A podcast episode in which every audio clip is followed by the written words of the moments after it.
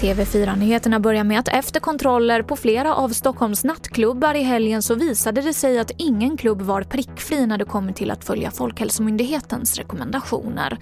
Och man har tvingats stänga ett ställe på grund av trängseln som var där.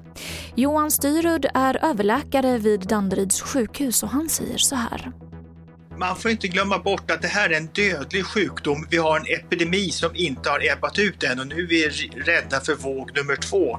Och Stockholms sjukvård orkar inte med en våg till som är i vår. Så att vi måste hålla i akt, så det är jättebra att man har kontroller och stänger ner där man inte kan hålla social distans. Vi går vidare till Frankrike där utegångsförbudet inleddes igår kväll. Det är 20 miljoner fransmän som omfattas och utegångsförbudet gäller från klockan 9 på kvällen till 6 på morgonen.